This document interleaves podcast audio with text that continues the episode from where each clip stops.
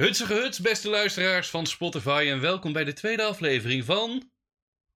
Wat een neuk. Oeh, dit is Spotify aflevering podcast die jij wil luisteren. Je, want- je doet nu wel heel erg alsof het alleen op Spotify is. We staan ook op een andere podcast website die niemand gebruikt. Is het gebeurd? Zijn we opgekocht? We zijn niet opgekocht.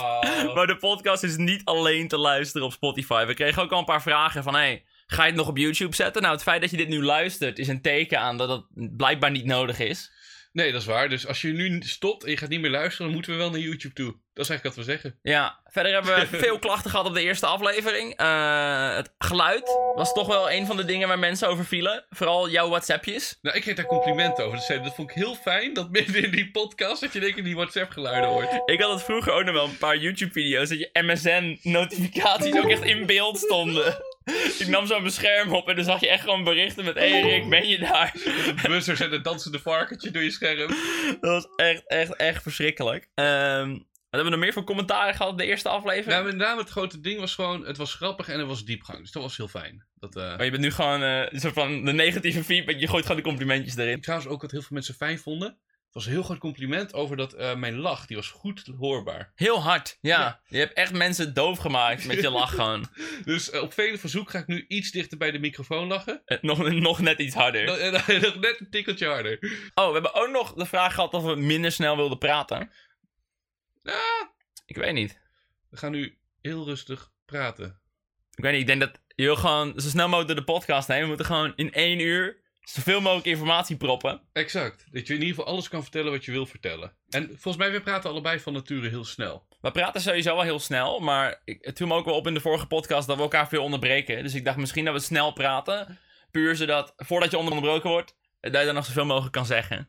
Daarom, en dat is een beetje de, eh, de dynamiek die wij ook hebben met z'n tweeën. Dus dit is gewoon ons ding, oké? Wij praten gewoon heel snel. Laat ons en val ons niet meer lastig. Ga weg uit de reacties.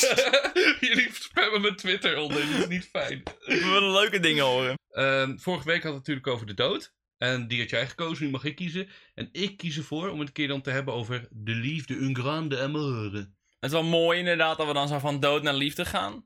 En ja, we hebben nu nog een beetje diepe onderwerpen, weet je. Je weet gewoon bij aflevering 20 gaan we het hebben over wat jij koopt bij de supermarkt. en dan is de podcast officieel dood. Dan is het af. Dan gaan we er echt heen. Ik bedoel, ik zei het ook tegen Rick toen, je, toen we buiten liepen. Zei ik ook, ja, misschien beweging nog een keer. Maar ja, dat is inderdaad zo'n beetje laagdrempelige onderwerpen. Wij zijn niet laagdrempelig. Oh god, laten we beginnen bij de eerste. Want ik was even benieuwd. Wie of wat was jouw eerste... Ja, wie is jouw eerste liefde? Niet wat. Als het een wat is, ik... Mijn eerste liefde was eh, in groep 5. ja? Ik wil er even bij zeggen, ik ben geen pedofiel. Oké, ik heb misschien een keer eh, gevoelens gehad voor kinderen uit groep 5, maar toen was ik zelf ook in groep 5. Dus Als even- nee, nee, in groep 5 had ik een relatie met Josine. Echt waar? Je hebt ook, maar je hebt die eerste liefde, heb je ook een relatie mee gehad? Nou ja, kijk, als je mij vraagt wat was je eerste relatie, dan vind ik eigenlijk groep 5 niet meetellen. Zij ging op een gegeven moment op Valentijnsdag, vroeg ze of ik haar Valentijn wilde zijn. Ik wist Mhm. niet wat dat was. Ik wist, wat is Valentijn? En toen eh, zei iemand, ja, zeg maar ja. Toen zei ik, is goed. En toen hadden we een tijdje een relatie. Eh was eh, zwaar, vooral. Mhm. Gewoon emotioneel uitputtend. Toen op een gegeven moment wilde ik het uitmaken, maar wist niet echt hoe dat moest. Dit was groep 6, de- voor de duidelijkheid. En toen heb ik eh, een van mijn vrienden op haar afgestuurd om te zeggen dat ik geen relatie meer wilde. Want ik wilde meer avontuur in mijn leven. ik zat in fucking groep 6. Het grappige is, dit komt heel erg overeen met die van mij, mijn eerste. Want mijn eerste liefde was eh Brit. Brit. Brit, ja, dat was echt een wereldvrouwtje. En ik was echt verliefd op haar. En op een gegeven moment was er het idee gekomen. Ik zat met zeven jongens in de klas, twaalf meiden. En iedereen moest een vriendinnetje. Dus Oeh. ik had geluk, ik ging gekoppeld worden, weet je wel. En er waren drie knappe meiden. Een van de drie was altijd Brit. En Oh, oh. daarom Wauw. dat ik dacht, oké, dus ik moet inzetten nu, weet je. Ik was altijd een chubby guy, een beetje nerdy. En Zei, hey, ken Gibby van iCarly? wel. dat ben ik. Vol trots ook. Dat ben ik, kijk mij. En eh, ja, op een gegeven moment eh, was het moment daar. Zij was niet verliefd op mij, maar we werden wel gekoppeld aan elkaar.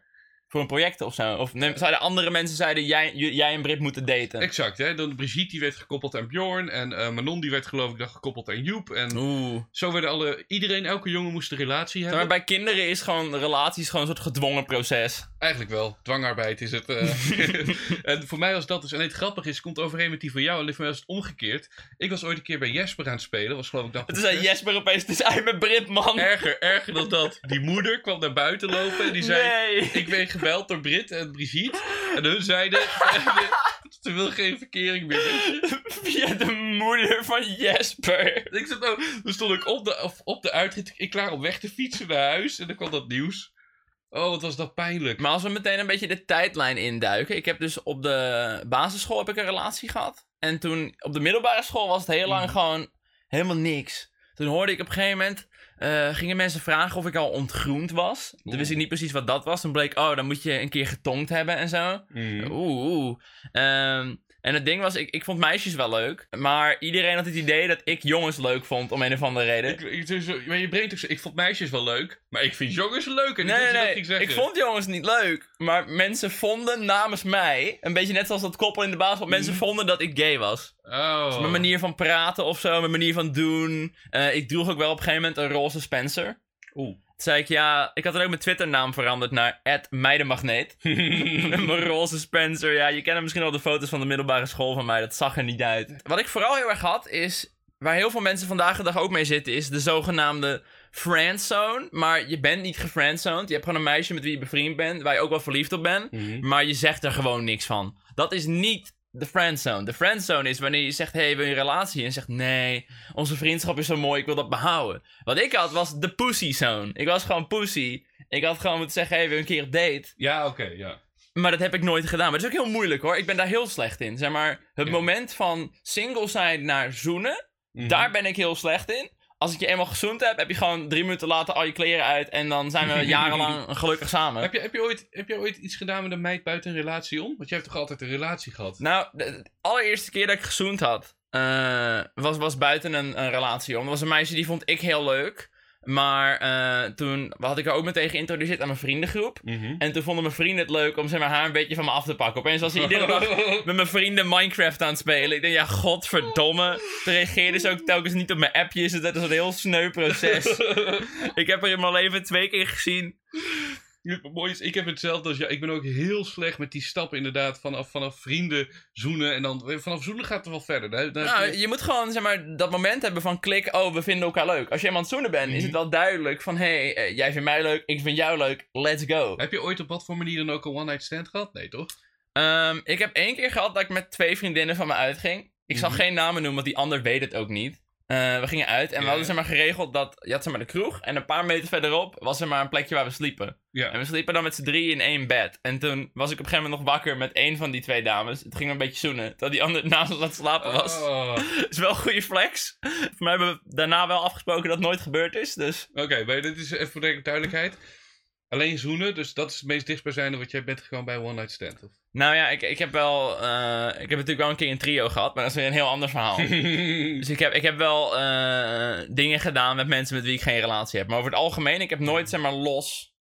Nou, ik weet dus wat ik een keer heb gehad, was in Duitsland toen met Banjo Town. Banjo Ja, dat Town- weet ik nog wel. We waren met Banjo Town in Keulen. Ik- En toen, net toen we naar huis wilden, ging Bardo er opeens met een blonde, blonde Deutsche vandoor. Ja, ja, ja, ja, tering. Ik zal de naam niet noemen, want dan kunnen mensen het achterhalen. Is het zo'n specifieke naam? Is het niet gewoon. Weet ik Ja. veel. Weet je, het is volgens mij, ik weet niet zeker hoe tot in hoeverre mijn sociale media naar gekoppeld zijn of niet. Maar anders, ja, zie je, nu geef ik mensen ik kan... zie je wat je doet? De bedoeling. Zoek Bardo's Instagram af op Duitsers. Op Duits. Blonde Duitsers. Dat was zo raar, want we hadden zeg maar eh, Gamescom, gingen we drie dagen naartoe. En eh, op de derde dag, want we hadden twee dagen Gamescom gehad. Toen zeiden we op de derde dag, weet je wat wij gaan doen? We gaan naar de Duitse de YouTube Gathering. Oh ja, we waren naar de Duitse Dutch YouTube Gathering gegaan, Was ja. het dan video ik kende day? niemand daar. Niemand. En ik weet nog dat TV-Move, dat MCN waar ik nu ook bij zit, die hadden mij toen binnengehaald. En die zeiden, Bardo, we hebben een cadeautje voor jou. Ik weet niet of je dat nog weet. Maar die hadden toen voor mij een opblaaspop gehaald in de vorm van een man met een dikke lul. Ik kan me hier niks van herinneren. Dat is echt zo. Staat ook op Instagram nog een foto van. Dat ik met de mensen van Divi-Move is een opblaaspop op de Duitse video. Ze hadden voor jou een opblaaspop geregeld met een dikke lul. Ja, Dat is jouw YouTube-netwerk. dat is, ja, dat was. eh, ik, ik, volgens mij, je weet wat ik bedoel dan. Met eh, de man met de baardje. Ja, zeg maar. ja. Die had dat gefixt voor mij. Ik ga nu direct op mijn Instagram een beetje gewoon heel ver scrollen. En Maar hoe heb je met deze opblaaspop een chickie gefixt? nou ja, hun hadden dus een eigen ruimte. Daar ik die opblaaspop in neergezet. En het mooie was allemaal eraan dat ik verveelde me. Eh, volgens mij jij en Jordi vonden het wel goed zo. Jullie wouden per se de trein naar huis hebben. Ja, we wilden wel gewoon weer weg. Precies, en halverwege kwam ik dus aan. Ging ik een beetje beneden rondlopen. Er waren interviews te doen voor Banjo Town. Volgens mij nooit online gekomen, dat maakt niet uit. Boeien. En ehm, op dat moment kwamen er allemaal mensen langs die van een verffeestje afkwamen. Die zaten onder de verfspatten. Eén meisje daarvan die zei: Hey, ik ken de eh, YouTube-kanaal. Ik weet En. Schoendegung, eh Waititi. Entschuldigung, hebben ze die Titty hier getroffen? En ik zo: Ja. Ja, jij was, jij was op een gegeven moment, voor de duidelijkheid, Waititi is een soort heel groot, ba- was een beetje de Duitse banjo-movies toen de tijd, toch? Ja. Jij had nog contact met ze zelfs. Ja, ja, ik heb nog met hun een paar avonden lopen stappen en zuipen in Duitsland. Ironisch genoeg is White Titty nu ook helemaal kapot en voorbij. Maar. Je- Ja, precies. Het is echt de Duitse banjo-movies. Het maar jij had eigenlijk een beetje de flex van, oh, ik ken, ik ken de bekende Duitse YouTubers en daarmee heb je een chick geholsteld of zo. Ja, ik zei inderdaad van ja, nou we kunnen wel even mee. Het privédekje van eh Divimove daar gezeten. Ik zou je dat je mijn Waititi's wil zien. Alleen, ik zei bij White Titty. En op een gegeven moment zaten we daar. Ik weet nog, zij zat over die relingen. Die White Titty trad op. Die hadden liedjes, hè. Dus eh, dat was Ah. toen in Duitsland heel normaal en populair. Alleen ik zat zo van, ja, kut, wat moet ik doen? En op een gegeven moment, eh, iemand anders naast ons, die zei tegen mij, Bardo, je gaat nu kiezen. Of jij gaat iets doen met haar of ik. Ik zo, nee, dit wil ik proberen. Ik heb dit nog nooit gedaan in mijn leven. Dus ben ik erheen gegaan. En het was een drama. Er gebeurde niet heel veel. En uiteindelijk bij het weggaan pas. Nou, toen hebben we dus uitgebreid lopen zoenen. Toen waren jij en eh, Jordi al, Al weg. lang al thuis gewoon. Ja, jullie zaten Bart heeft gewoon de hele avond lang zitten twijfelen. En toen, ik ga nu weg. Oh, dan, dan, dan, dan zoen ik je wel even. Ja, vrouw. dat, dat is een beetje wat wij dit allebei zeiden. Die stap om te zeggen van nu, oké, nu ga ik gewoon zoenen ook, fuck it, let's go. Dat is een stap, jongen. Dat is een moeilijke stap om te zetten, hoor. Nou, ik merk ook wel dat soms komen mensen ook echt in mijn livestream met een beetje de vraag: ik vind een meisje leuk, wat moet ik doen? Ja. Misschien moeten we dat gewoon een beetje een soort datingadvies geven. Ik denk wat het beste advies is, is toch op een soort date vragen en dan duidelijk maken dat het een date is. Het beste kan je gewoon niet van een appje sturen van hey, lijkt het je leuk om samen iets te doen? En zegt ze ja, dan spreek je wat af en dan mooi de date staat. Gewoon eerst afspreken en dan zeggen dat het een date is. Ja. Kijken of ze misschien achteraf zegt, oh, is het een date? Je moet een beetje, op die manier een beetje je wateren voelen. Ja, je moet, moet inderdaad, denk ik wel, dat je, ja, noem, noem, de, noem de woorden die eigenlijk die, die in de vriendschap niet hoort te zeggen. Noem een date, geef een x op het einde met een kusje, kussen Dat ze op een gegeven moment denkt van, huh, vindt deze gast me nou leuk? Eh, pas op, er is een 90% kans dat ze je niet leuk vindt. En dan wordt het zo, oh, dit, dit is zo, ik kan me nu al meteen inleven, die chick die denkt, oh, kut, ik wil gewoon met hem naar de bios. En nu gaat hij opeens proberen met te zoenen. Ja. Oh, die wordt zo gemakkelijk. Wat gebeurt hier allemaal? Dat wil ik niet. Maar dat is een beetje het ding. Ik heb ooit een keer de filosofie die ik ervan hoorde, vond ik een hele mooie. Is de afweging die je moet maken. eh, hoeveel vriendschap en hoeveel liefde is hier? Dus seks eigenlijk gewoon. En ik denk dat jij hetzelfde hebt als ik. Op een gegeven moment, als de weegschaal zo'n 90% vriendschap is en 10% liefde. Wat al heel gauw gebeurt bij ons allebei, geloof ik. Ja, dan ga je niet het risico lopen voor die 10% liefde. Want dan verneuk je de Ja, dan heb je wel jezelf nog een beetje gefriendzoned. Dat jij denkt, als ik haar nu vraag op date en ze zegt nee, wordt het alsnog ongemakkelijk, zeg maar. Ja, dan is de hele vriendschap kapot. Dan heb je ook niks meer. Ik moet zeggen, die dames die ik leuk vond, waar ik uiteindelijk ja, eh, nooit meer op date ben geweest, ik spreek ze nu ook niet meer. dus ik had het net zo goed wel voor kunnen gaan. Ja, true. Heel true. Maar dat is wel wat ik bijvoorbeeld ook heel fijn vind aan Tinder bijvoorbeeld. Als je op Tinder zit, dan weet je allebei gewoon, hey, ik wil daten en hey, ik wil daten. Dan heb je ook een paar mensen die alleen maar op Tinder zitten voor one night stands. Maar er zitten ook een hoop dames op die gewoon daadwerkelijk een relatie willen. Dus het fijne is dat het contact begint gewoon meteen duidelijk met... Hey, eh, ik wil graag een leuke date, ik zoek een vriendje. Ja, ik ben aangetrokken tot jou. Maar heb jij dat trouwens ook op Tinder? Dat je eh, als man zijnde gewoon alles direct naar rechts moet swipen? En Ja, pas- ik, ik had echt gigantisch weinig matches. eh, toen ik begon met Tinder. Toen dacht ik echt, is Tinder stuk? Nou, heb ik mijn interesse op mannen gezet. Mhm. Dat ik zo een beetje naar links en rechts aan het swipen. denk ik, ja, waarom ben ik nog kieskeurig? ik gewoon al die mannen naar rechts zitten swipen. Echt meteen, meteen 10 matches. Al met, hey, spetter. Oh. Dus het blijkt dat toch wel, middelbare school, ik, kan, ik lig toch lekkerder in de mannenwereld, zeg maar. Ja? Is dat eh, voor jou echt, moet je gaan switchen van markt? Nou ja, het is, het is jammer dat ik gewoon me niet zo erg seksueel aangetrokken voel tot mannen. Dat is gewoon... Zonde. Kan je dat niet trainen? Ja, ik heb wel vernomen dat sommige dingen, als je heel veel soja eet en zo, dat je dan... Nee, je dan, eh, en bepaalde chemicaliën die de overheid in het leidingwater stopt en shit. Ja, ik vond het wel heel mooi. Ik heb ooit een keer, Tim Hofman zei dat ooit, die wou een keer zeker weten dat hij heteroseksueel is. Dus die heeft allemaal gayporn zitten kijken, om zeker te zijn dat hij heteroseksueel is. En? Eh, hij is heteroseksueel. Dus toch. Nee, is toch, ja. Ik, ik heb vast wel eens gay porn gezien, maar dan meer met vrienden. Eh, Weet ik veel waarom eigenlijk. Nee. Ik neem dit terug. Ik heb nooit echt goed gay porn gezien. Het mooie is, ik herken wel het verhaal wat je. Dat je gewoon met z'n allen op de bank, en dan heb je één zo'n klootzak, die gaat, pakt zijn laptop en... Nee, kijk jongens, homo's. Oké. Oh, heb jij hem weer. Dankjewel Rob. Leuk Rob. Misschien is dit een beetje off-topic, maar ik ben wel benieuwd naar wanneer je voor het eerst porno hebt gezien. Want dat was bij mij op de middelbare school, op de gang, op zeg maar de school-wifi. Een klasgenootje kwam aan met, Mm. hey, ik heb eh, de school-wifi. Dat was dan allemaal nog nieuw dat het kon, was op zijn iPod Touch of zo. En dan gingen ze op de schoolwebsite naar YouPorn of zo. Oh. En we zagen echt van die ranzige oma-porno. En we gingen stonden er allemaal omheen van, "Hey, porno! Maar was jij een late fapper dan? Ik was wel een late fapper. Ja, echt waar? Nou, toen ik, toen ik begon met fappen, Oh god. toen deed ik dat via de, de iPod Touch App Store.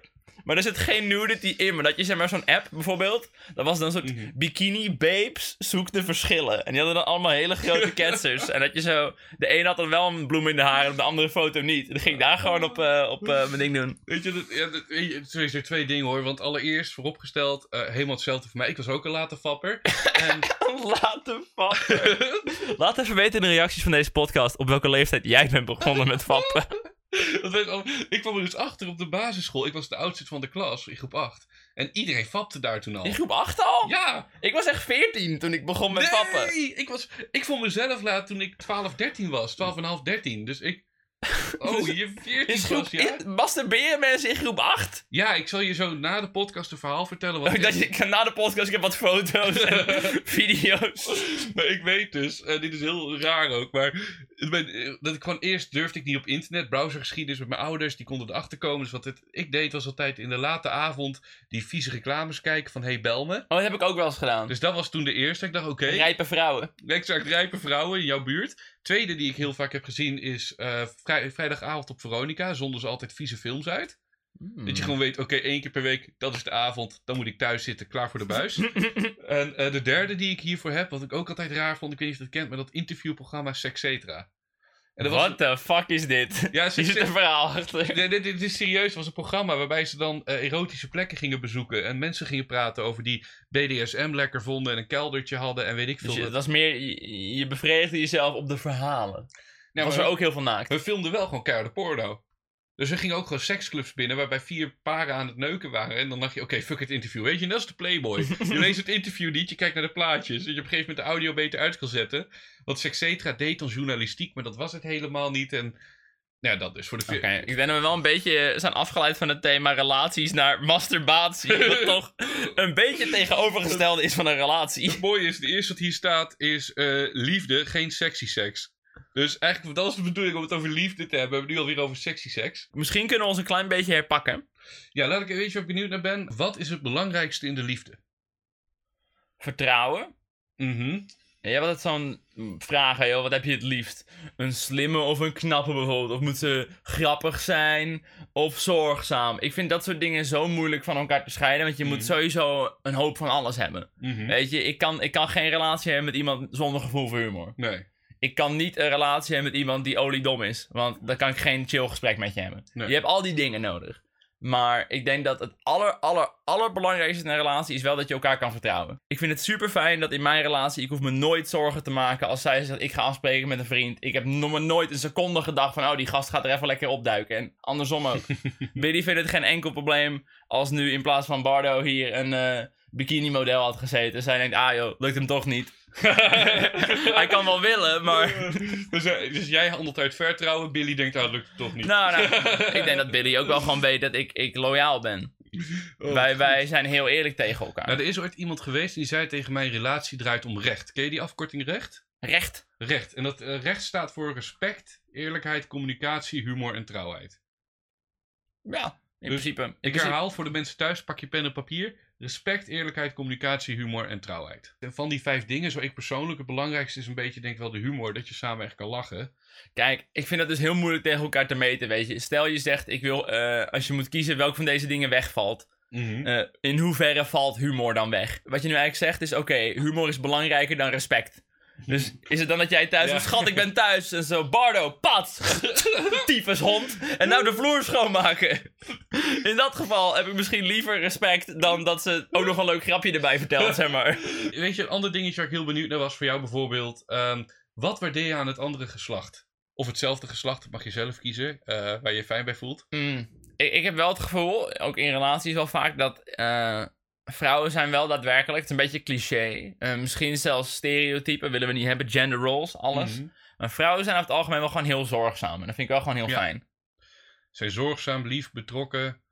Die willen altijd meehelpen, meedenken, valt me altijd op. En dat is... Ja, ja, weet je, dus, eh, altijd als ik gewoon een probleem heb, is ze gewoon blij om me te kunnen helpen, zeg maar. ja, true. Dat kan ik heel erg waarderen. Het valt me ook altijd op dat als ik meega bij een productie, dat de meeste van die productiemeisjes op zo'n set, dat zijn meisjes. Zijn soms jongens, maar meestal meisjes. En ook zusters in het ziekenhuis zijn vrouwen. Dat zijn karaktereigenschappen. Ja, dat mag je weer niet zeggen. Nee, dit maar... mag je niet zeggen. Nu wordt het po- podcast officieel politiek oncorrect. We willen alleen maar vrouwen in ziekenhuizen. Mannen mogen niet aan me zitten. Ze zijn niet zorgzaam genoeg. Ik heb dit op een website gezien met een zuster. Ik wil die zuster. Nee, maar weet je wat het is? Nee, ik bedoel gewoon vrouwen die zijn daar. Ik vind dat veel. Dat fluwelen. Ze noemen het ook altijd honden en katten. En ik vind dat ook inderdaad. Vrouwen zijn meer katten en mannen zijn meer honden daarin. Oké. Dat, dat hè? Ik zie je helemaal denken nu. Dat er is iets met vrouwen wat ik altijd vind. eh, Ik weet niet of honden en katten het goede voorbeeld is. Wat dacht je van steen en klei? Ja, dat kan ik niet vinden. Kan ik niet Iedereen kan denk ik in zijn hoofd een eigen beeld vormen van wat de rol van een hond is en een kat. Zeg maar, zijn katten zorgzamer dan honden? Honden zijn ook alweer heel trouw. Ik, weet, ik vind, eh, dat, misschien is het wel alleen maar verwarrender dat het meer duidelijkheid brengt. Ja, ik wat ik bedoel te hoeven zeggen. niet alles tot een metafoor te maken. Wat ik bedoel te zeggen is, het is wat sensueler, wat losser, wat vrijer. Ze zijn opener in hun gedachtes. En ik vind dat echt fucking fijn aan vrouwen altijd. Ik zit met gasten altijd, dan zit je altijd in hetzelfde riedeltje, weet je wel? Nu je het hierover hebt, wil ik wel even benoemen dat voor mijn gevoel vrouwen, of misschien gewoon, gewoon mensen die een relatie met mij hebben, voor mijn gevoel vaak bijna met hun vrienden vaker over seks praten dan dat mannen dat doen. Oh ja, zeker. Dat echt, vrouwen hebben het idee dat mannen de hele tijd zo, ja, vrouwen, tieten, heb ik er flink hard geneukt. Dat is echt bijna niet bestaande gesprekstof. Of ik heb gewoon echt totaal de verkeerde vrienden en te weinig bier. Wat ik heb altijd, is dat eh, als ik met mannen praat over seks, is... Heb jij geneukt? Ja, maar wanneer? Oh, lekker, hey, high five. Hey, lekker, Oh, ik kom, gaan Call of Duty doen. Daar houdt het op. En bij vrouwen is het zo'n hele diepgang van, Ja. ja, Oh, deed hij dit. We hebben seks gehad. Echt waar? Wanneer? Hoe dan? Oh, hij ging met me naar de bioscoop. Echt waar? En thuis had hij bloemetjes neergelegd. Oh, wat leuk. En wat was het dan? Hij ging bezoenen. Weet je, oké. Weet je wat ook zo raar is? Ik, eh, ik heb nog nooit met mannen gepraat over hun schaamhaar. Terwijl alle vrouwen weten van elkaar wel een beetje de mode in de schaamhaarindustrie. Is dat zo? Ik zou geen idee hebben wat mannen moeten doen met hun schaamhaar nu. Ik, Scheren. Ik zou het, gast, ik zou het echt scheren als ik jou was. ja, gewoon plat. Jij zegt eh shaven even. Dat je eruit ziet als een jongetje van acht. Ik weet niet waarom je dit nou weer op moet noemen, maar ja, ja, ga maar voor dat jongetje van. Terwijl vrouwen, dat is echt zo, die weten veel meer van elkaar, van de trends en alles, hoe alles in elkaar steekt. Dus die zijn er veel opener over. Kijk, ik denk dat er zijn wel meer vrouwen die elkaar hun nudes sturen dan dat wij mannen dat doen in ieder geval. 100%. En eh, andere die ik benieuwd was, hè? ben je ooit weggerend voor iemand die je heel leuk vond, maar het niet aandurfde? Nou ja, dat is dus een beetje wat ik op de middelbare school benoemde qua friendzone-achtige, meer pussyzone dus. Eh, ik heb nooit gehad dat ik op een feestje stond met een dame en dat ik toen dacht van, oh, oh, oh durf niet. En dan, zeg maar, niet, niet op zo'n manier aandurven. Dat ik denk, dit wordt, de- hoe bedoel je? Wacht, misschien, misschien kan ik beter vragen, hoe bedoel je aandurven? Ja, ehm, dat je iemand leuk vond en je wist dat je hem of haar leuk vond. Hè? In jouw geval hem, in mijn geval haar. En Ehm. eh, dat je erheen loopt en... Of niet eens erheen loopt, maar je durft gewoon niet heen te lopen. Dat je helemaal vastgevroren zit en denkt, ja, eh, ik weet niet wat ik moet zeggen. Wat ik Ja, ik ben, ik ben sowieso wel ongemakkelijk in zeg maar, interactie met vreemden. Ja. Als ik die persoon amper kent, ik zal niet snel op een willekeurig meisje afstappen op een feestje of zo. Nee, nee, ik heb hetzelfde hoor. Ik, die fix moves heb ik niet. Die fix moves hebben we gewoon niet. Eh, ja, als ik die persoon wel ken, dan stap ik wel op je af, maar dan voor gesprek. Ik heb niet snel dat ik op een chick afstap en er Ja. zomaar op de, op de smoel pak, zeg maar. Nee, ik heb hetzelfde. Ik heb dat totaal niet. Ik heb, het klinkt heel stom, maar ik heb dan te veel respect ervoor dat ik denk, ja, Te veel respect voor vrouwen, is dat een probleem? Of ben je gewoon een pussy? ik ben een pussy omdat ik te veel respect... Ik, denk, ik ben te empathisch, ik denk te veel mee en ik wil niet iemand traumatiseren. Je wil niet iemand kapot maken, je wil niet Je iemand kan, je kan best op iemand afstappen zonder iemand kapot te maken. ja, maar wat, oei, ik heb geen idee. Dat is gewoon alsof je zegt, Bardo, je mag die auto monteren. Dat is voor me makkelijker dan Bardo, je mag die chick versieren. Ik, volgens mij ben jij het hetzelfde als mij, dus gewoon dat je slecht, echt heel slecht bent in eh, vrouwen aanspreken, doen. Ja, ik had één keer toen, was voor mijn, na mijn tweede relatie, en toen had ik Mhm. een feestje. En Oh, daar had ik eh, een dame ontmoet. Dat was wel heel gezellig toen. Dat was een verkleedfeestje. Ik was verkleed als Macklemore. Nou, Ik had die, die Bontjas gekocht voor die Banjo Town video. Dus ik had een stepje mee en ik had allemaal kettingen om.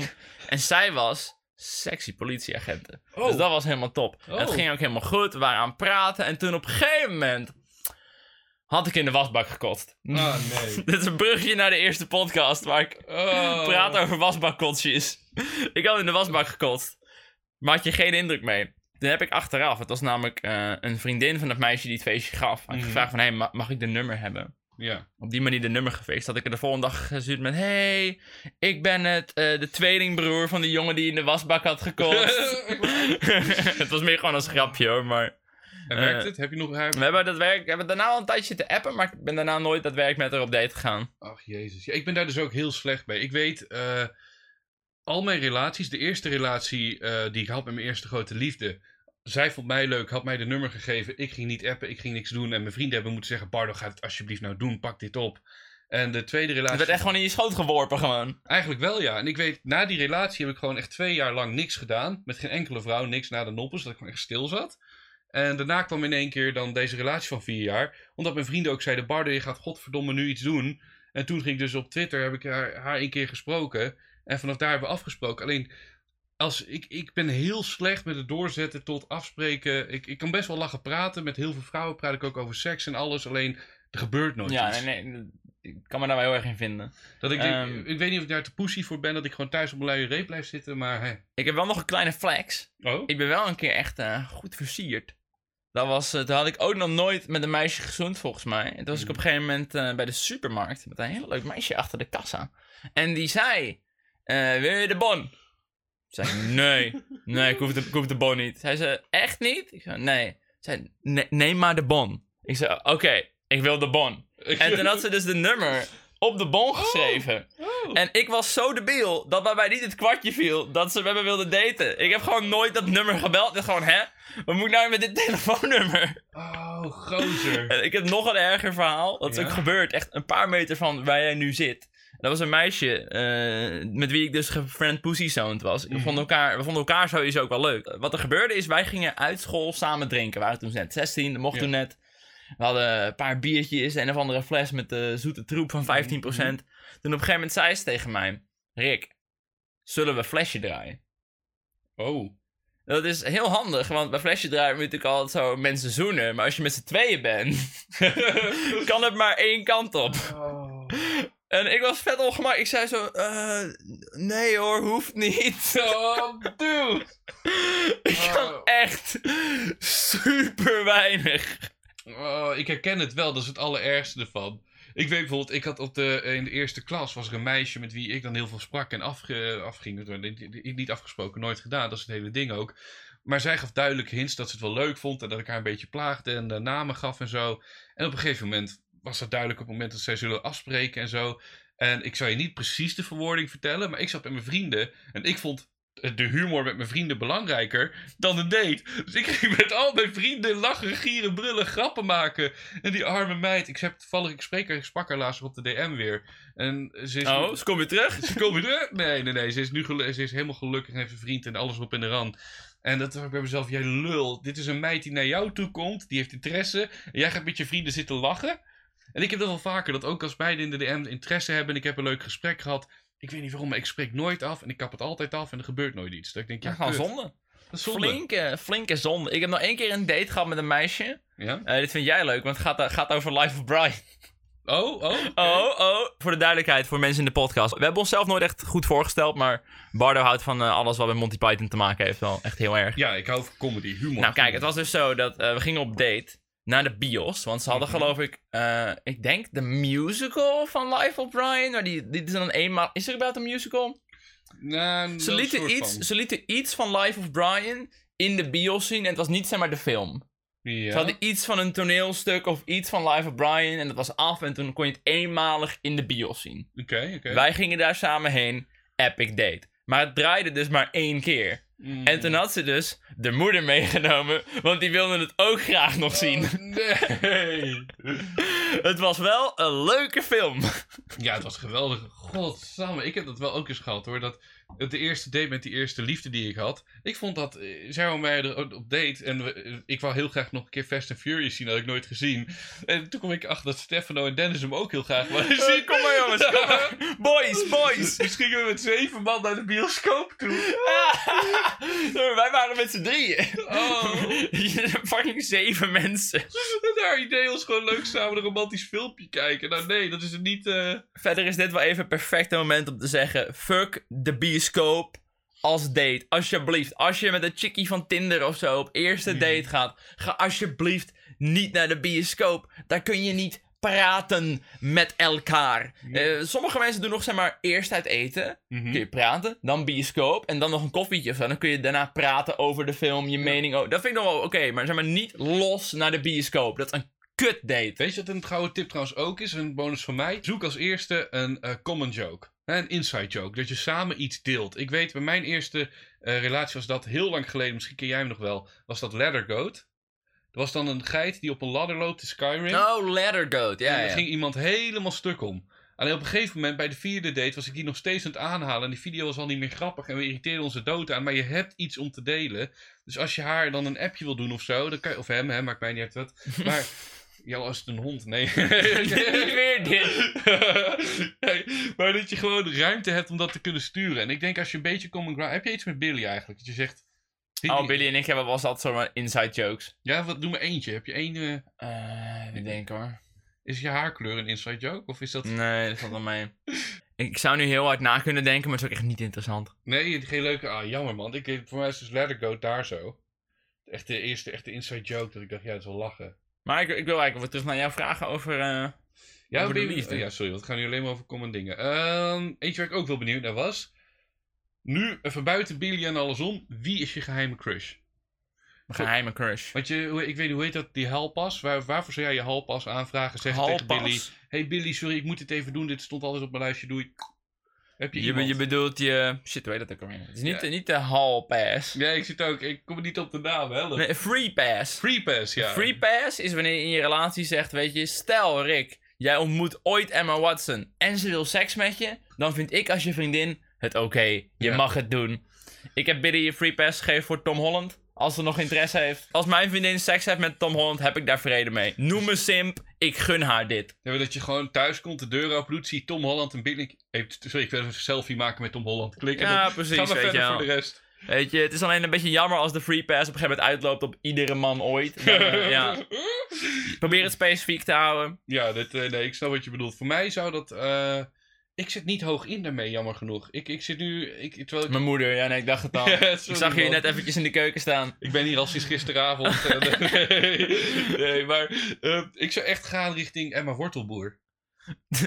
Ja, ik zou echt... Dat is een beetje... ik, zou, ik zou niet een Nederlands persoon noemen, want nu, nu gaan mensen naar Emma Wortelboer doorsturen. Emma Wortelboer, wil je nog met Bardo ketsen Oh, of niet? Ik heb er Hij heeft niet eens een relatie, je kan er gewoon opduiken. Ik heb je voelt er toch niks van. nee, maar ik, ik heb er één keer ontmoet, hè. Ik heb er bij... eh, Oh, dat was vast super ongemakkelijk voor Emma Wortelboer. Oh. nee, nee, voor mij... Voor ik, ik klapte dicht. Ik klapte oprecht een Oh, beetje Emma dicht. Wortelboer. Ik, had, ik, ik zat toen ook in een relatie en ik zat zo bij mezelf. Ja, ik, ik, ik, weet, ik weet niet. Ik, wat moet ik hiermee? Ik wil weg eigenlijk. En dat was bij de Rose van, volgens mij was dat Giel Belen. Dat was in een hele grote theaterzaal. En daar zat zij dan ook. En ze kwam langs. En ze, uiteindelijk bij allemaal influencers met Veras en Stuntkabouter Joost. Stonden we daar met z'n allen. En op een gegeven moment stond ik met haar naast de trap te praten. Over En toen hebben jullie per seks gehad in één keer zo. Per ongeluk. Plaats. Dat was mijn free pass. Maar dit was voor Hij mij is op. nog altijd, Emma, als je dit ooit ziet, sorry, het overviel me toen gewoon. Ik, normaal ben ik niet zo, ik weet geen idee wat daar gebeurde. Maar het was voor mij allemaal dat ik dacht van, eh, waar zijn mijn vrienden heen? Ik was ook mijn vrienden kwijt. Dus dat was heel raar. Maar zie je, mijn, mijn, mijn free pass, ik zet niet hoog in. Misschien moet ik hoger inzetten. Als internationaal gezien, zou ik dan nog wel... ehm, Ik vind het wel weer zo'n heel onvrouwenvriendelijk ding. Dat we dan zo... De, we zijn van liefde gegaan naar welke vrouw zou jij neuken? ik vond het juist mooi dat we praten over zo'n gevoelig onderwerp. En nu is het best, ah, welke vrouw wil jij dan wel een keer neuken? Laat ik het dan zo zeggen, want dat is een beetje de clue waarom ik ook moeilijk internationaal kan kiezen. Voor mij is de ideale vrouw... Emma Wortelboer. Ja, puur gebaseerd even op uiterlijk, niet op innerlijk, sorry dames. Maar ik hou van imperfecties. Je Nee, dat heb ik ook wel. Ik vind, zeg maar, die Kardashians vind ik echt niet interessant Nee, qua ik vind uiterlijk. helemaal niks. Ik vind dat echt niet mooi gewoon ook. Ik bedoel, ik hoor ook iedereen praten over Ariana Grande, hoe lekker en knap. Ik zit zo, nee, sorry. Ik, ja, ze is mooi. Ik zie dat ze mooi is. Maar ik hou ervan van imperfecties. Want die imperfecties maken je perfect, zeg maar. Nee, dat, dat heb ik ook sowieso. Ik heb ook wel sowieso... Ik val ook altijd wel een beetje op een soort... beetje nerdy vrouwen. Ja, ja, leuk. En dan eh, mogen ze ook al... Bij, bij voorkeur... Dit vind ik altijd zo kutting van vrouwen. Eh, ik, ik, ik wilde zeggen eh, dat ze dan ook bij voorkeur misschien iets kleiner is dan ik. ja. Maar bij vrouwen willen ze vaak weer natuurlijk een grotere man. Dat vind ik dan weer zo oppervlakkig. Dus voor mij ook echt totaal niet belangrijk. Maar als ik dan toch alles samen mag stellen. Ja, 100% mee eens. Nee, dat heb ik ook een beetje. En ik vind het gewoon cool als een vrouw zelfverzekerd is, zich neerlegt bij wie ze is en gewoon vanaf daar lekker verder gaat rocken en Is, leven. is jouw type ook nog wel een beetje alternatief dan? Ik vind, Was- bijvoorbeeld, ik vind dames met gekleurd haar altijd wel erg mooi. Dat was het eerder wel altijd. Ik ben er heel erg op teruggekomen. Hè. Voor mij is het nu een beetje. ehm, Alternatieve chicks, helemaal crazy. Pas op. doe maar normaal, dan ben je al gek genoeg. Weet je wel, dat is voor mij een beetje nu. Eerder was het altijd. eh, mannen kennen die term wel, hè? Vrouwen met daddy issues. Dus dat is je type. nee, dat, is, dat, hoort bij, Vrouwen met daddy issues. dat hoort toch bij gekleurd haar en al. Dit, eh, bij die gothic emo Ja. Ik snap wat je bedoelt. Maar nu op dit moment is ja, doe maar normaal, doe je gek genoeg. Gewoon spijkerbroek, sweater aan. eh lekker... Als je gewoon een vrouw bent en je hebt een hartslag, Bardo heeft mogelijk interesse. DM hem, hij bericht je niet terug. Hij bericht je niet, eh, check niet app doelens. Maar ehm, nee, maar het is voor mij, ik denk juist nu hoe normaler, hoe beter eigenlijk. Dat je gewoon lekker, nou niet zo gek. Hoewel ik wil binnenkort nog best ook nog te denken, als deze podcast ooit de top 50 had van Spotify. Top 50. Ah, dat moet hem wel lukken. Maar dat, houdt voor mij niet zoveel in, momenteel. Oh, kut. Dan maak ik Dan denk je echt wel top 5, moeten we het echt wel over hebben. Ja, oké, kut. Dan maak ik blij dat ik mijn zin niet heb afgemaakt. Ik ga verder naar het volgende onderwerp. Wat ga je doen bij top 50? Nou, ik wou zeggen, dan wil ik ook nog wel een keer mijn haar verven. Wat Doe het. is. Doe het! Ja, maar dat heb ik nu niet gezegd. Alternatieve Bardo met een neusring. Oké, weet je wat? Ik zeg, top 50 verf ik mijn haar. Top 10, wat ga jij doen? Verf ik mijn haar. Ja, dat heb je al gedaan. Mijn haar is momenteel geverfd. Top 10 doe jij een neusring? Gast, wat op. Ik moet mijn kont nog steeds laten tatoeëren. Ga je dat nog doen ooit, of niet? Ja, ja, ik ben gewoon een heel ander verhaal weer, maar... eh, ja, ik moet gewoon even mailen. Maar ik heb gewoon geen zin om te mailen met... Yo, wil je mijn kont bewerken? En mag ik het dan filmen? Ik heb het gevoel alsof zo'n tattoo-artist zich gewoon een beetje voor lul gezet voelt.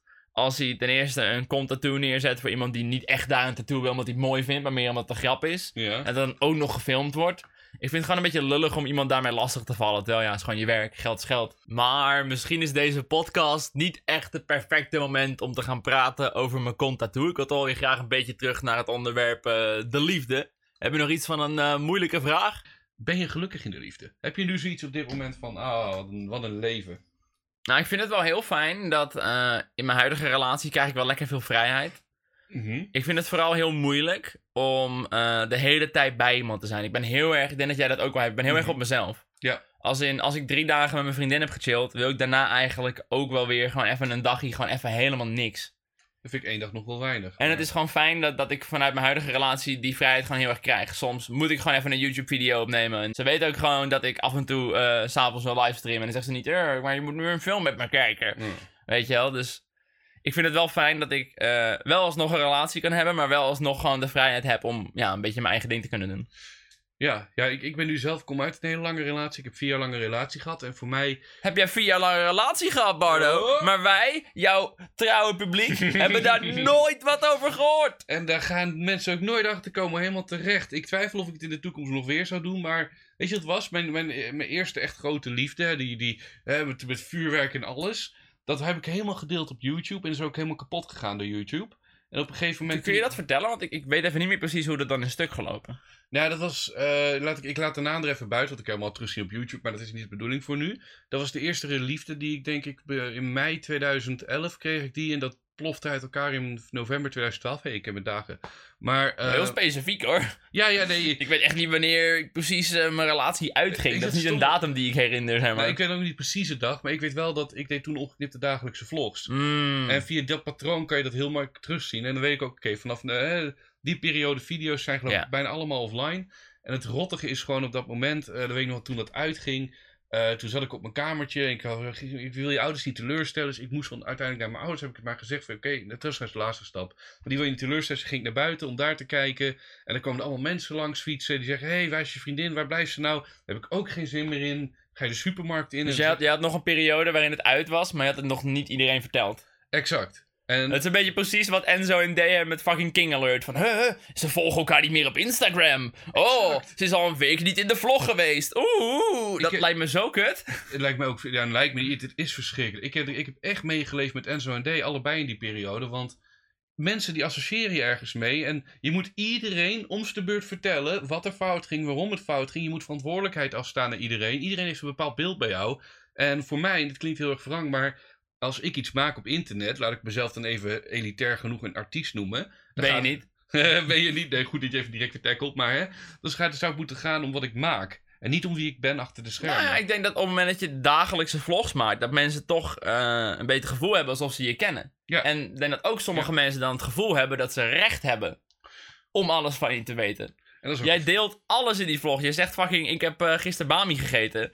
Maar dan niet dat het uit is met je vriendin. Ik snap dan wel dat mensen dat heel scheef vinden natuurlijk.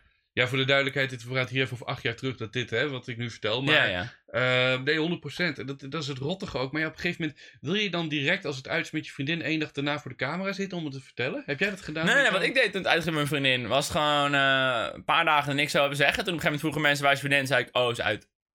Oh, ga zo simpel. Eh, oh, waarom? Ja, gaat je niks aan.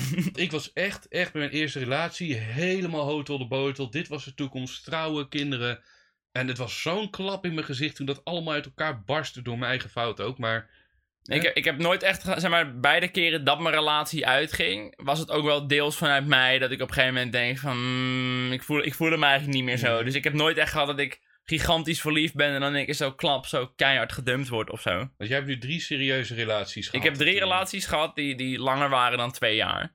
Eh, de eerste relatie was twee jaar, de tweede relatie twee jaar. We zijn nu al still going strong drie jaar. Dus we zijn de heilige twee jaar eh, mijlpaal zijn we voorbij momenteel. Netjes, netjes. Vanaf mij kan ik je vertellen, dat vond ik altijd zo kut eraan, dat je eh, iets hebt wat je zelf wil verwerken. Ik ben er altijd heel slecht mee als ik een knieval maak. En als je er overal waar je komt maar geconfronteerd mee wordt en alles staat in het thema daarvan, eh, van hè, die relatie, eh, dat is een beetje mijn fout. Dus eigenlijk is dat de reden dat je dacht, weet je wat, ik heb nu een tweede relatie. En deze keer ga ik het juist precies tegenovergesteld doen. In Ja. plaats van alles te delen van mijn vriendin, deel ik gewoon helemaal niks. En ik merk ook wel dat ja. meer YouTubers vandaag de dag ook een beetje zo zijn. Die gewoon. Eerst echt gewoon een paar maanden lang aan die relatie werken. En dan pas ook maar durven te zeggen van, hé hey jongens, dit is mijn vriendin, hier is een leuke Insta-foto. steeds niet hoor. Ik ken heel veel YouTubers, ook de grootste van Nederland, die gewoon hun relatie en liefdesleven privé houden. Neem Giel, niemand wist dat hij überhaupt een vriendin had. En toen had hij vader, ja. Boom. En ik, ik bedoel, dit is al een tijdje, ik weet van die relatie van Giel, die is al heel, heel lang gaande. Die houdt het ook gewoon netjes op de achtergrond. En ik heb ook zoiets met iemand als Enzo. We weten bijna allemaal wel dat er een relatie is met Myron. Maar die houdt het ook op de achtergrond. Nou ja, als hij het op de achtergrond houdt, moet hij niet Myron iedere dag in zijn vlog stoppen. Dus ik weet niet hoe subtiel het dan wordt, zeg maar. Nee, oké, true. Dat is een beetje een minder voorbeeld. Dan maar denk ik, ja, als, je dan, als er dan toch iedere dag in je vlog zit, zeg dan gewoon, dit is mijn vriendin. Weet je wat de rottig is aan de voorbeelden die je hierbij wil noemen? Die zijn allemaal, dan zou je mensen voor de trein gooien. Want al die mensen die hebben natuurlijk een relatie op de achtergrond. Weet je wie echt goed zijn relatie geheim kan houden? ik ga het je nu vertellen. Daarom, dit kan ik niet vertellen, want dat is het rottige. Maar ik, ik, het valt mij, ik vind dat ook wel de meest logische en gezonde keuze erin. Ik vind, helemaal omdat ik, ik een beetje, ik een hekel aan heb nu met, met vriendinnetjes ook in de liefde, bij YouTubers en influencers, eh, is als een partner van een influencer zelf iets begint. Nou, Je mag best zelf wat beginnen, maar je hebt wel een gigantisch voordeel. Ja. Dat is gewoon hoe het werkt. Ja, je hebt natuurlijk een gigantisch voordeel en dat is een beetje flauw. Want dan mensen, als ze een half jaar omgaan met een influencer, denken ze dat het heel makkelijk is om dit te doen wat hij of zij ook doet.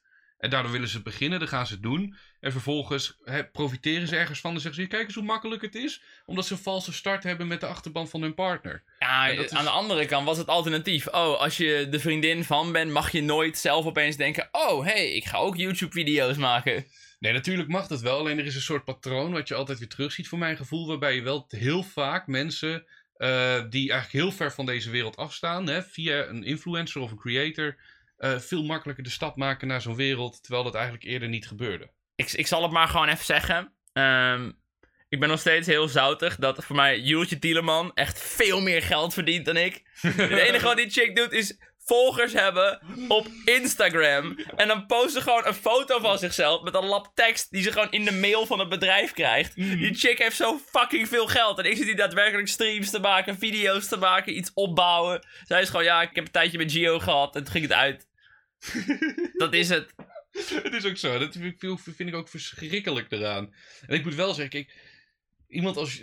Misschien is het belangrijker hoe je jezelf ontwikkelt daarin. Want ik, we Ik kunnen... bedoel, het is wel belangrijk om te vermelden dat mijn vriendin ook, eh, nadat wij een relatie hebben, zelf is begonnen met streamen. Ja. Maar dat vond ik juist heel fijn, want juist eerder was het een beetje dat, toch nog een klein beetje onbegrip. Dat zij denkt van, waarom moet je nou telkens weer streamen? Waarom ben je nou weer tot 8 uur s morgens Uncharted 4 aan het spelen? Ja. En nu opeens is ze zelf aan het streamen, ze soms ook opeens een 24 uur stream. Er komt veel meer begrip en we kunnen elkaar een beetje helpen daarin. We kunnen elkaar tips geven. Dus het is echt iets waar we, waar we samen een beetje in groeien. Maar het fijne is, denk ik, wel, laat ik het anders zeggen. Het rare is een beetje, eh, als je dit om zou gooien. Stel, ehm, jij bent elke dag aan het sporten. En Billy zegt op een gegeven moment van jou, ik wil ook sporten. Ja, dat is best wel fijn, hè. Dan kan je samen sporten, dan kan je er van elkaar leren, dan kan je erin verder groeien. En het is niet zo, kijk, want dan valt mijn hele stelling weg, dat Billy in één keer profiteert van het feit dat jij sport. Dat is dan Nou, niet nou, zo. Bij, bij het voorbeeld van sporten niet, maar het is natuurlijk wel zo dat Billy sowieso een groot deel van mijn kijkers ook in haar livestreams Maar heeft. ben jij niet bang, want jij bent nu wel een beetje afhankelijk van Billy. Want dat had ik dus... Oh, mocht ze willen. Nee, maar als Billy, dat, hey, je hebt de iDubs uh, hijsa meegekregen van de OnlyFans.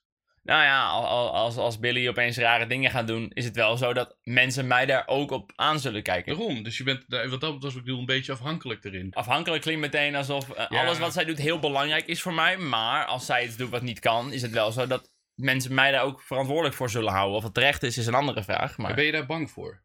Dat- nee. Ja, het zou raar zijn als je nu zegt, ja, dat vind ik Ik, ik heb ook tegen Billy gezegd, als jij, als jij een OnlyFans wil starten... eh, ik weet hoe Billy eruit ziet in een sexy lingerie setje. Mm. Dat ziet er best wel goed uit. Mm. Als jij die foto's wil verkopen aan een paar andere mensen voor geld, vind ik dat helemaal prima. Bij Billy zou ik het eerder afraden, omdat zij wordt binnenkort ook gewoon lerares basisschool. en dan vind ik dat soort dingen misschien net wat minder handig. Maar als Billy zoiets heeft van, hé, hey, ik ga toch nooit eh, zo'n baan doen, zou ik zeggen, doe het lekker joh. Jij zou het carrière-wise gewoon even zeggen. Nou, kijk, als jouw partner door jouw succes ook geld verdient, is het voor Mhm. mij alleen maar chill. Weet je, wat wel een ding is in mijn relatie met Billy, is dat ik heb gewoon echt veel meer geld. Ja. Dat is best wel gewoon een ding. Dus vaak willen we bijvoorbeeld het eten, maar ja, voor Billy is het gewoon best wel duur. Die heeft best wel een tijdje lang vakken gevuld bij de Action. Dat is gewoon Mhm. geen, geen vetpot. Dus als wij dan uit eten gaan, dan is zij meteen vier uur vakken vullen kwijt, als je het een beetje omrekent. Ja.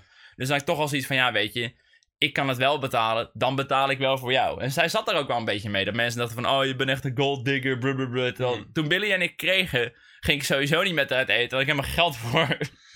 ja, ik snap wat je bedoelt. Alleen dan, dan ja, het is een beetje... ik heb liever dat ik, zeg maar, met haar uit eten ga, dat ik voor twee betaal, dan dat we niet gaan. Wat weet je vooropgesteld? Met alle dingen, want ik speel een beetje advocaat van de duivel. Met alle dingen, ik vind het fijne aan Billy, als ik haar online zie, ze maakt haar eigen ontwikkeling mee. Ze ontwikkelt zich door. Nou ja, Ze- ze is, ze is zeer zeker niet bezig met gewoon doen wat ik doe. Ze is wel gewoon de eigen ding aan het doen. Ze had ook gewoon kunnen zeggen, ik ga op stream gewoon een 2.0 maken van Rick's stream. Maar juist heel veel dingen die ik doe op stream, zoals ik doe vaak gewoon een beetje YouTube-video's kijken. Bijvoorbeeld, afgelopen stream heb ik gewoon een uur lang zitten kijken naar YouTube-video's rondom het thema winkelwagentjes.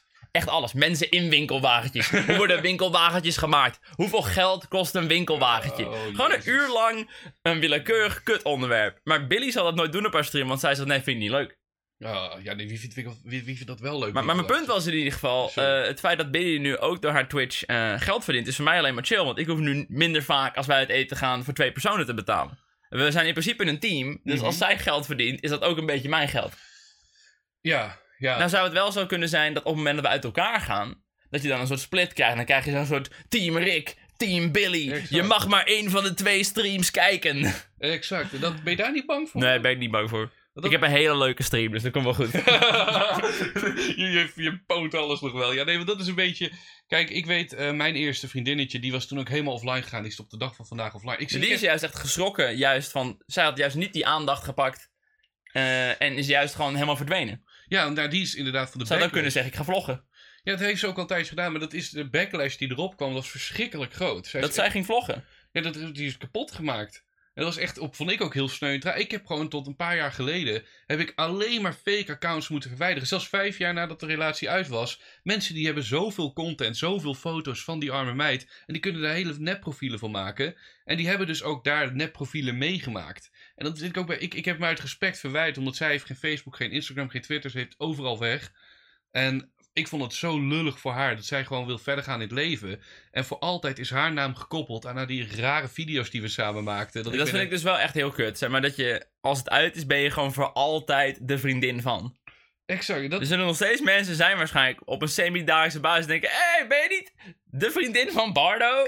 Nee, dat was acht jaar geleden. Ah. Ik wil gewoon door met mijn leven. Ja, dat vind ik ook echt. Ik, vind- ik vind het oprecht tragisch voor haar. Voor me, ik, Ik kan me oprecht voorstellen dat dat heel kut is. Je kan of, zeg maar, bakken met Instagram-volgers hebben en er gewoon geld op verdienen. Met, hey, boeien dat ik de vriendin van ben, ik heb fucking veel geld. Of je vindt die aandacht kut en dan ja, heb je geen geld en wel een heleboel eh, negatieve aandacht die je niet wilt. Nee, true. Want voor mij is de impact veel minder groot. Maar nu komen we dus een beetje terug bij, bij het oorspronkelijke onderwerp. Je had dus op een gegeven moment een tweede relatie. Daar Mhm. heb je heel weinig van gedeeld. Ja, nul bij. Nu weet ik, dit hele hete scoop, eh, maar jouw ouders wisten er ook niet van. Ik geloof in Eh. ieder geval iets van drie van de vier jaar van deze relatie. Nee, ze wisten er wel op een andere manier van. Ze hadden wel een beetje de hoogte. Alleen ze hebben mij mijn privé gegund erin. Want ik heb. Ze wisten wel dat je een relatie had, maar gewoon niet met wie. Het stomme is een beetje met de verhouding tussen mij en mijn ouders. Dat is meer een aparte podcast erin. Ik heb best wel. Ik verdeel mijn informatie altijd best wel onder de mensen met wie ik ze spreek. Zeg maar. Mijn ouders. Dat is ook heel stom. Hè? Ik was al vier, vijf jaar aan het roken. En mijn ouders wisten dat gewoon niet. Ik heb dat Echt iedere dag. Heel veel paffen. Echt waar, hun roken dat ook wel. Maar hun zeiden ook Ja. tegen mij, ja, we vragen het niet. Je komt er zelf mee op een gegeven moment. Dus, soort uit de kast komen. Mam, pap, ik rook. ja, precies. Ja, ze voelde het wel een beetje. Vanaf dat moment kon ik gewoon elke dag eh, thuis roken. Heb ik toen ook echt veel te veel gedaan. Oh god. Je had het beter geheim kunnen houden, zeg maar. Dan ben je nog zo sneaky. Kom je niet zo de woonkamer binnen met drie sigaretten in je bek. Nou, exact. Dat gevoel was het wel. En zo, mijn ouders weten dat gewoon van mij. Ik, ik, ik, ik scheid dat heel graag gewoon. Alle werelden van elkaar een beetje. Ehm, vier jaar geleden kreeg ik natuurlijk een soort... Begon ik te scharrelen met haar. En we hebben een soort eh, exclusief dingetje afgesloten van... Hè, Dus net als het samen- roken eigenlijk. Je ging een beetje... eh, Precies, en we zouden, waren toen even aan het scharrelen, kijken wat het zou worden. Met de afspraak, we gaan niet met anderen verder. En, ja, oké. eh, dus dat, wel een beetje, dat is wel een beetje het rela relatiemoment. Je zegt, oké, weet je wat? Als jij nu opeens een ander hebt, dan zou ik best wel boos zijn. exact, dat was het wel. Dat Maar, is een beetje, dan heb je nog niet per se uitgesproken, oh, we zijn vriendje en vriendinnetje, maar maar... daar, bij, bij- ik vind relatie, daar hoort wel echt bij dat je van elkaar houdt, toch? Je gaat niet de relatie aan als je niet van elkaar houdt. Ja, Ik, zou- ik vind houden van altijd een moeilijke, aangezien ik hou ook van mijn vrienden. Ja, In principe manier. wordt, net zoals dat sommige mensen uit elkaar gaan om te zeggen dat ze niet meer verliefd zijn. Je kan heel erg van iemand houden, Mhm. maar dat is denk ik anders dan liefde in een bepaalde zin. Dat je kan nog iemand houden zonder dat je verliefd op ze bent. Ja, maar er is maar één iemand in je leven toch met wie jij een seksuele aantrekkingskracht hebt waarvan je houdt. Op die manier, dat je denkt, ik wil met jou heel veel meer extra avonturen beleven. Ja, is ja, toch dus, maar- dus dat is voor mij het idee van de relatie. Dat je denkt, ik bedoel, ik, eh, bijvoorbeeld zeker hoogte, Rick, als jij voor een auto gaat of eh, je gaat dood, natuurlijk. Wow. Ja, als vriendschappelijke rela- relatie houden we van elkaar op die manier. Dus die seksuele spanning is er niet. En ik heb ook niet per se met jou zoiets van... hé, hey, ik wil met jou wel eh, nog een keer filmen en dit en dat. Wil ik wel, daar niet van. Nodig me uit. Maar je wat ik bedoel? Ja, oké, maar op een gegeven moment had je dus een beetje die exclusiviteit bij elkaar. En, En toen? En toen, na een jaar geloof ik, kwam het, eh, heeft ze er een eh, Instagram-post over gemaakt. Ja, want ik weet, ik, ik, ik kende jou, jouw ex ook nog wel een beetje. Ik weet wel dat die er wel ook een beetje mee zat. Dat, dat, dat ze eigenlijk niet openbaar mocht zeggen van... hé, hey, ik date Bardo Ellens. Ja, en ik, ik heb zoiets van, ja... Voor mij was dat inderdaad, hoe jij hem ook zegt, ik date Bardo Ellens. Ik denk, nee, het is gewoon iemand dat... Ik date gewoon een gast. Precies, en voor mij, ik zou het ook niet allemaal op Instagram willen gooien. Voor mij is het een beetje... Maar toen op een gegeven moment zei ze... Fuck jou Bardo, ik ga nu een Instagram post maken. Dat, je was jarig voor mij, toch? ik was een- jarig op Ze mijn verjaardag. feliciteerde je op je verjaardag. Ja, Jongens, kijk, ik heb een relatie met Bardo. Ja, exact. En ik, die verjaardag van mij zat ik mijn oma te begraven. Dat was toen een hele rare, bizarre dag. Want mijn oma die is op dezelfde dag als mij jarig. Overleed vijf dagen voor mijn verjaardag. was een aangelegenheid dat we zeiden... Oké, we kunnen oma begraven op jouw 25ste verjaardag, Bardo. Wil je dat doen? Ik zei, ja, natuurlijk. Oma heeft 25 verjaardag voor mij afgestaan. Ik ga nu oma begraven op mijn verjaardag. Dus toen ik daar in pak stond... De kist ging langzaam naar beneden. hoorde ik een piep, piep. En... Oh nee, ze heeft het, ze heeft het gepost. Maar ze had ook al eerder gezegd van ik ga dit posten. En jij zei van nee, niet doen? Of... Eh, ze heeft wel het een paar keer aan, aanleiding gegeven. Toen zei ik ook, nee, laten we dit niet doen. En met tranen in mijn ogen. Dat ik, dat ik dacht, ja, wat? Ik was furieus. Ik kon gewoon niet rouwen om mijn oma. Ik was helemaal bezeten door die post. En mijn verjaardag was, hè, die, die, die alles ging door elkaar. Toen En- kwam de climax. Een dag later zaten we dus in King Alert, inderdaad. King alert. Waardoor het voor mij nog moeilijker was. Dat ik dacht, ja, nee, ik wil dit gewoon echt niet nu. Weet je, we hebben nu een jaar lang iets opgebouwd. Het was helemaal kapot gemaakt. Laten we hier gewoon even rustig mee doen. Dus hebben we weer helemaal terug naar punt nul. Want ik was echt heel gek op haar. Tegenhouden van, hè, want op dat moment was ze ook echt wel erbij. Eh, we hebben het verder opnieuw op moeten bouwen. We hebben nog een vakantie gedaan in Scheveningen. Dus al die dingen zaten erbij die ik net vertelde. Alleen op een gegeven moment, toen waren we al twee jaar bezig. En toen was het nog steeds niet naar buiten. Waardoor er echt heel veel, eh, waardoor het heel veel gewicht kreeg. Ja, bedoel, op een gegeven moment wordt het ook wel... Hoe langer je een geheim bewaart, hoe moeilijker het wordt om naar buiten te gooien natuurlijk. Exact. Het is moeilijker om tegen je ouders te zeggen... ik heb al vier jaar relatie dan... en ik heb vorige week iemand ontmoet. Nou, precies. En op een gegeven moment kwamen er ook wel vragen van hun. Van, hé, hey, wie was dat eh, meisje die hier laatst was? De buur al daar. En toen heb ik ook gezegd, oh ja, er was even iemand die langskwam. En, dus het was, ik heb ook aangegeven... Dus op een gegeven moment graaf je toch een beetje in een soort leugen dan. Ja, dat is puur een beetje ook vanwege dat ik denk, ja, ik weet het echt niet meer nu op dit moment. Als, zijn, als op mijn verjaardag, waarbij ik mijn oma begraaf, een post naar buiten komt en er waren nog meer dingen, ook van mij zijn, het is niet goed hoor. Want ik had het misschien eh, wel eerder allemaal moeten communiceren. Alleen, het liep zo uit de hand, die heisa. En toen na twee jaar, tweeënhalf jaar heb ik haar geïntroduceerd gewoon aan mijn ouders. En eh, vanaf daar ging het verder, maar het was zo'n drama man. Dat was echt, ach. Ik zie jou hier ook echt zitten en zuchten. Dat je denkt, ja, ik, ik weet het. Dit is, Ja, ik, ik heb wel het een en ander meegekregen. Was wel, was wel een beetje drama, ja. ja, dat is een beetje voor jou het ongemakkelijke nu. Niet Ja, ik, ik snap ook wel dat jij hebt nu ook geen zin om haar gigantisch aan de schandpaal te halen. Ook de reden dat, dat Bardo wel zegt hoe ze vriendin in groep 6 heette en niet hoe ze een relatie heet die hij jarenlang heeft gehad. Omdat Nee, je juist niet die, die online heksenjacht wilt hebben, zeg maar. Dat hoeft nu inderdaad niet. Nee, dit is nu uitgegaan in februari eh, 2020. En we spreken en we zien elkaar nu nog wel. Alleen het is, het is gewoon voor mij een beetje dat... ehm, dat vind ik, weet je, dat is Frank, dat zei ik er net ook al. Ik vind het heel fijn om beoordeeld te worden om de grappen en de dingen die ik maak. Daar mag je me op beoordelen. Beoordeel me alsjeblieft niet op mijn eigen privéleven, de dingen die daar gebeuren. Nou ja, als jij in je privéleven seks met kinderen hebt, wil ik je daar best op beoordelen. Ja, vind jij de muziek van Michael Jackson nu minder bijvoorbeeld? Want dat is, dat, is- dat is dan de hè, waar je ja, ja, ja. Vind je de- heb je moeite met de muziek van Michael Jackson? Eh, ik vond, was wel altijd heel erg fan.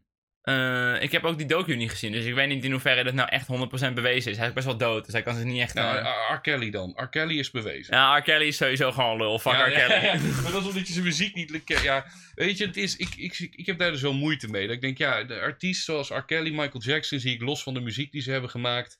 En die zou ik liever... nou, Ja, oké, maar ik denk dat vooral op YouTube ben je best wel een persoonlijk figuur. Dus een heel groot deel is jouw persoonlijkheid. En als het Mhm. blijkt dat jij in de privésfeer een lul bent, dan reflecteert dat toch op je persoonlijkheid. Zeg maar, ik ben ook best wel in mijn video's een blije gozer. Als dan blijkt dat ik iedere avond mijn moeder in elkaar sla, verandert dat toch een beetje hoe je die, die video's gaat zien. Hoe je dat hele figuur gaat zien, denk Het is ik. wel mooi dat ik mijn moeder in elkaar sla. Ja, het is gewoon een willekeurig voorbeeld. Nee, ik snap wat je bedoelt. Alleen, ja... we hebben ook gevallen gehad waar YouTubers echt heftige break-ups hadden. Ja. Dat het echt met vuurwerk in King Alert uit elkaar spat. En dan heb je weer heel erg wat, wat jouw eerste ex dus ook al. Maar dan nog keer tien is het... Je bent een hoer! Je bent een hoer! Echt, het is gewoon meteen Instagram op privé en rennen. Want je krijgt gewoon het complete vuur van het internet achter je aan. Dat gun, gun ik mijn partner ook echt niet, weet je. Mijn eerste relatie was ik best wel een beetje boos op mijn partner dat het uitging. Dat was ook helemaal niet netjes. was Mhm. geen fijn verhaal.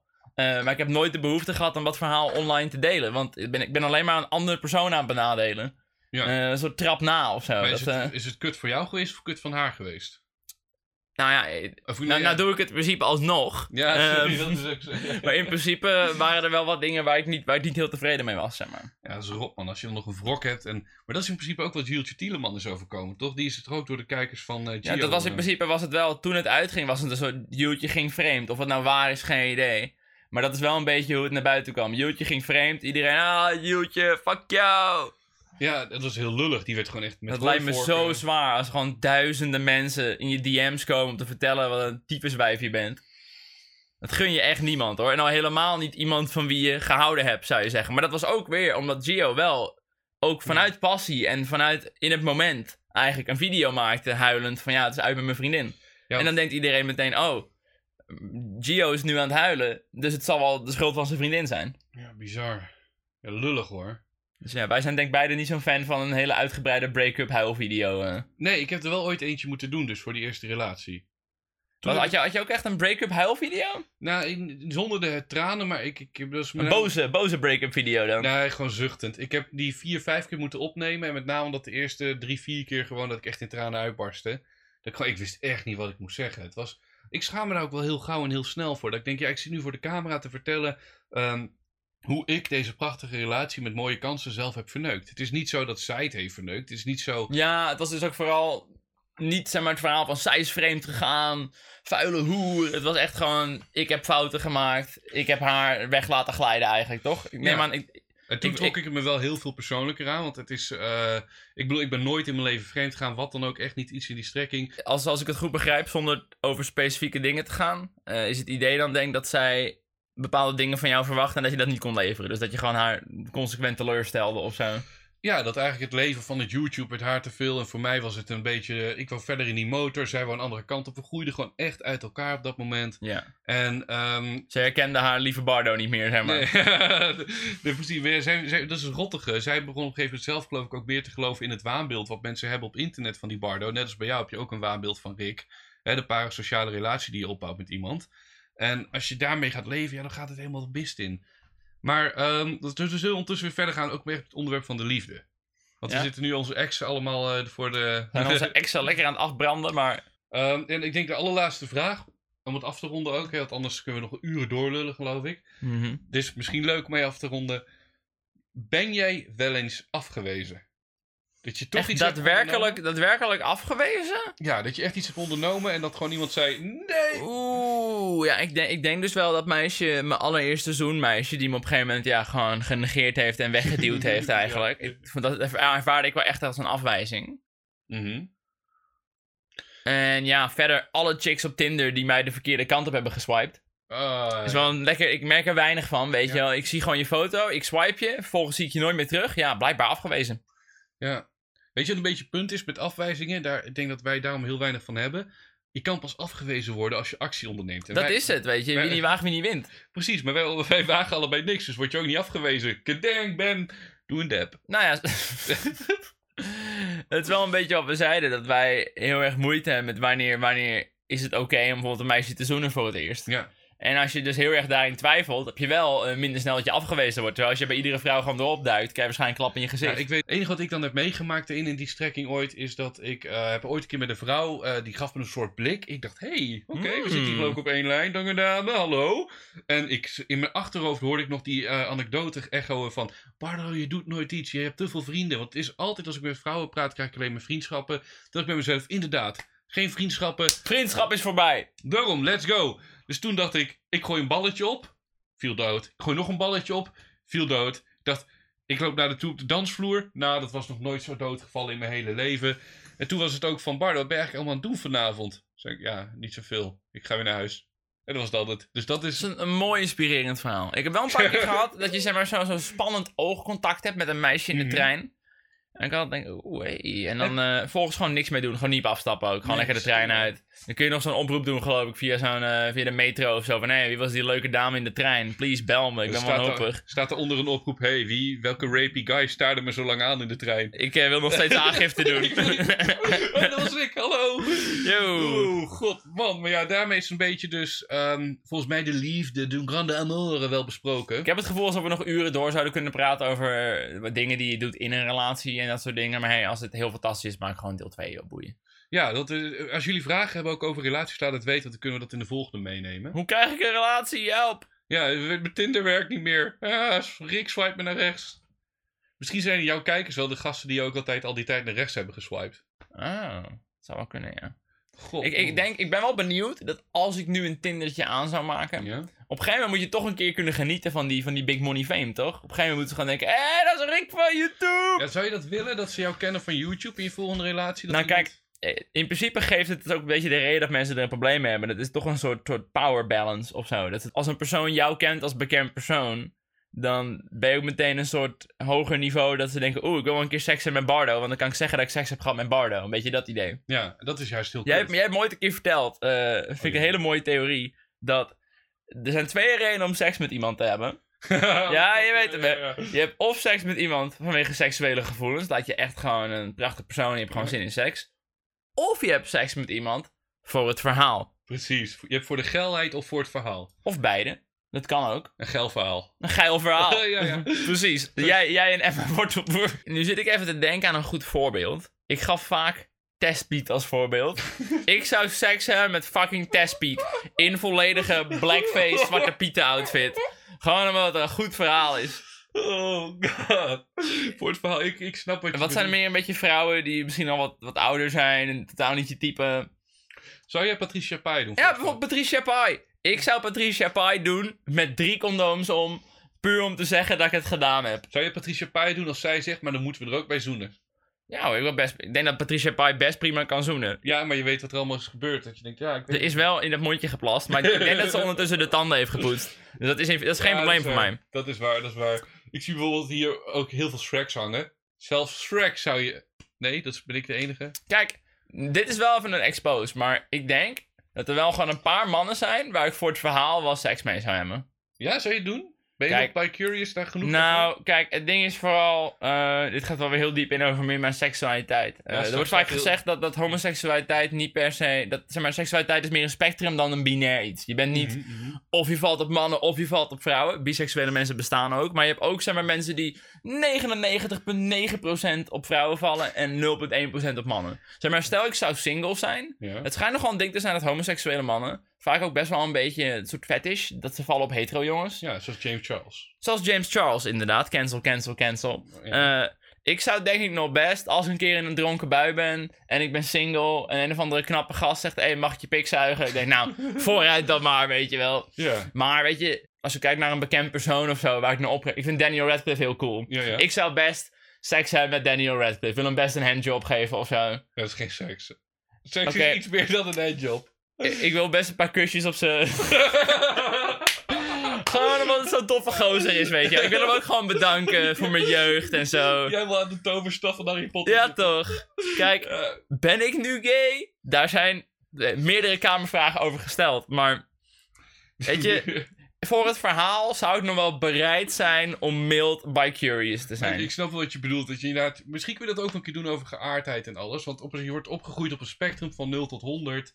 En iedereen zegt maar of je bent 0 of je bent 100. En er zit niet veel tussenin. En ik snap Nou ja, mensen zeggen niet wat je bent. Dat mag je in principe zelf kiezen. Maar je wordt wel dat wel aangeleerd een beetje, toch? Nou, we hebben de, we hebben de podcast alweer binnen. Dit was eh, liefde en seksualiteit. Ja, shit. Terwijl mijn eerste zin bovenaan was nog alleen liefde, geen sexy seks. We hebben toch We hebben echt heel veel sexy seks besproken wel. Dus de volgende keer doen we iets meer liefde, denk ik. Want dit is...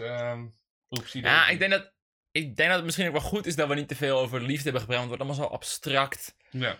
Eh, ik denk dat een podcast waar we een uur lang over onze gevoelens praten, is minder interessant dan wij die gewoon matige verhalen vertellen van hoe we proberen een vriendin te krijgen. Zullen we de podcast afronden? ja, want volgende week woensdag zijn we er weer. Zelfde zender, zelfde tijd. En niet alleen op Spotify. Maar, Maar we zijn ook op andere matige platformen. zoals... Ik weet niet eens hoe ze heten. Niemand gebruikt het, maar we staan niet alleen op Spotify. Dat je het weet. Eh, Apple, keur ons alsjeblieft goed. Dan staan we ook op Apple. En als je dit luistert op Apple, dan zijn we goed gekeurd. Hallo. We did it. We did it, boys. Geef een duimpje omhoog en abonneer hier beneden. En onthoud, Gast. en onthoud, wat er ook gebeurt, hou hem huts. Wauw, dit was... Nee, nee. Hadden we niet als outro iets met wat de neuk erin of zo? De vorige keer. Ja, ik weet ook niet hoe we die deden, maar dat zouden we... Oké, weet je wat we dan doen? Onthoud wat er ook gebeurt. Wat de neuk. Wat een leuk, boys. Later.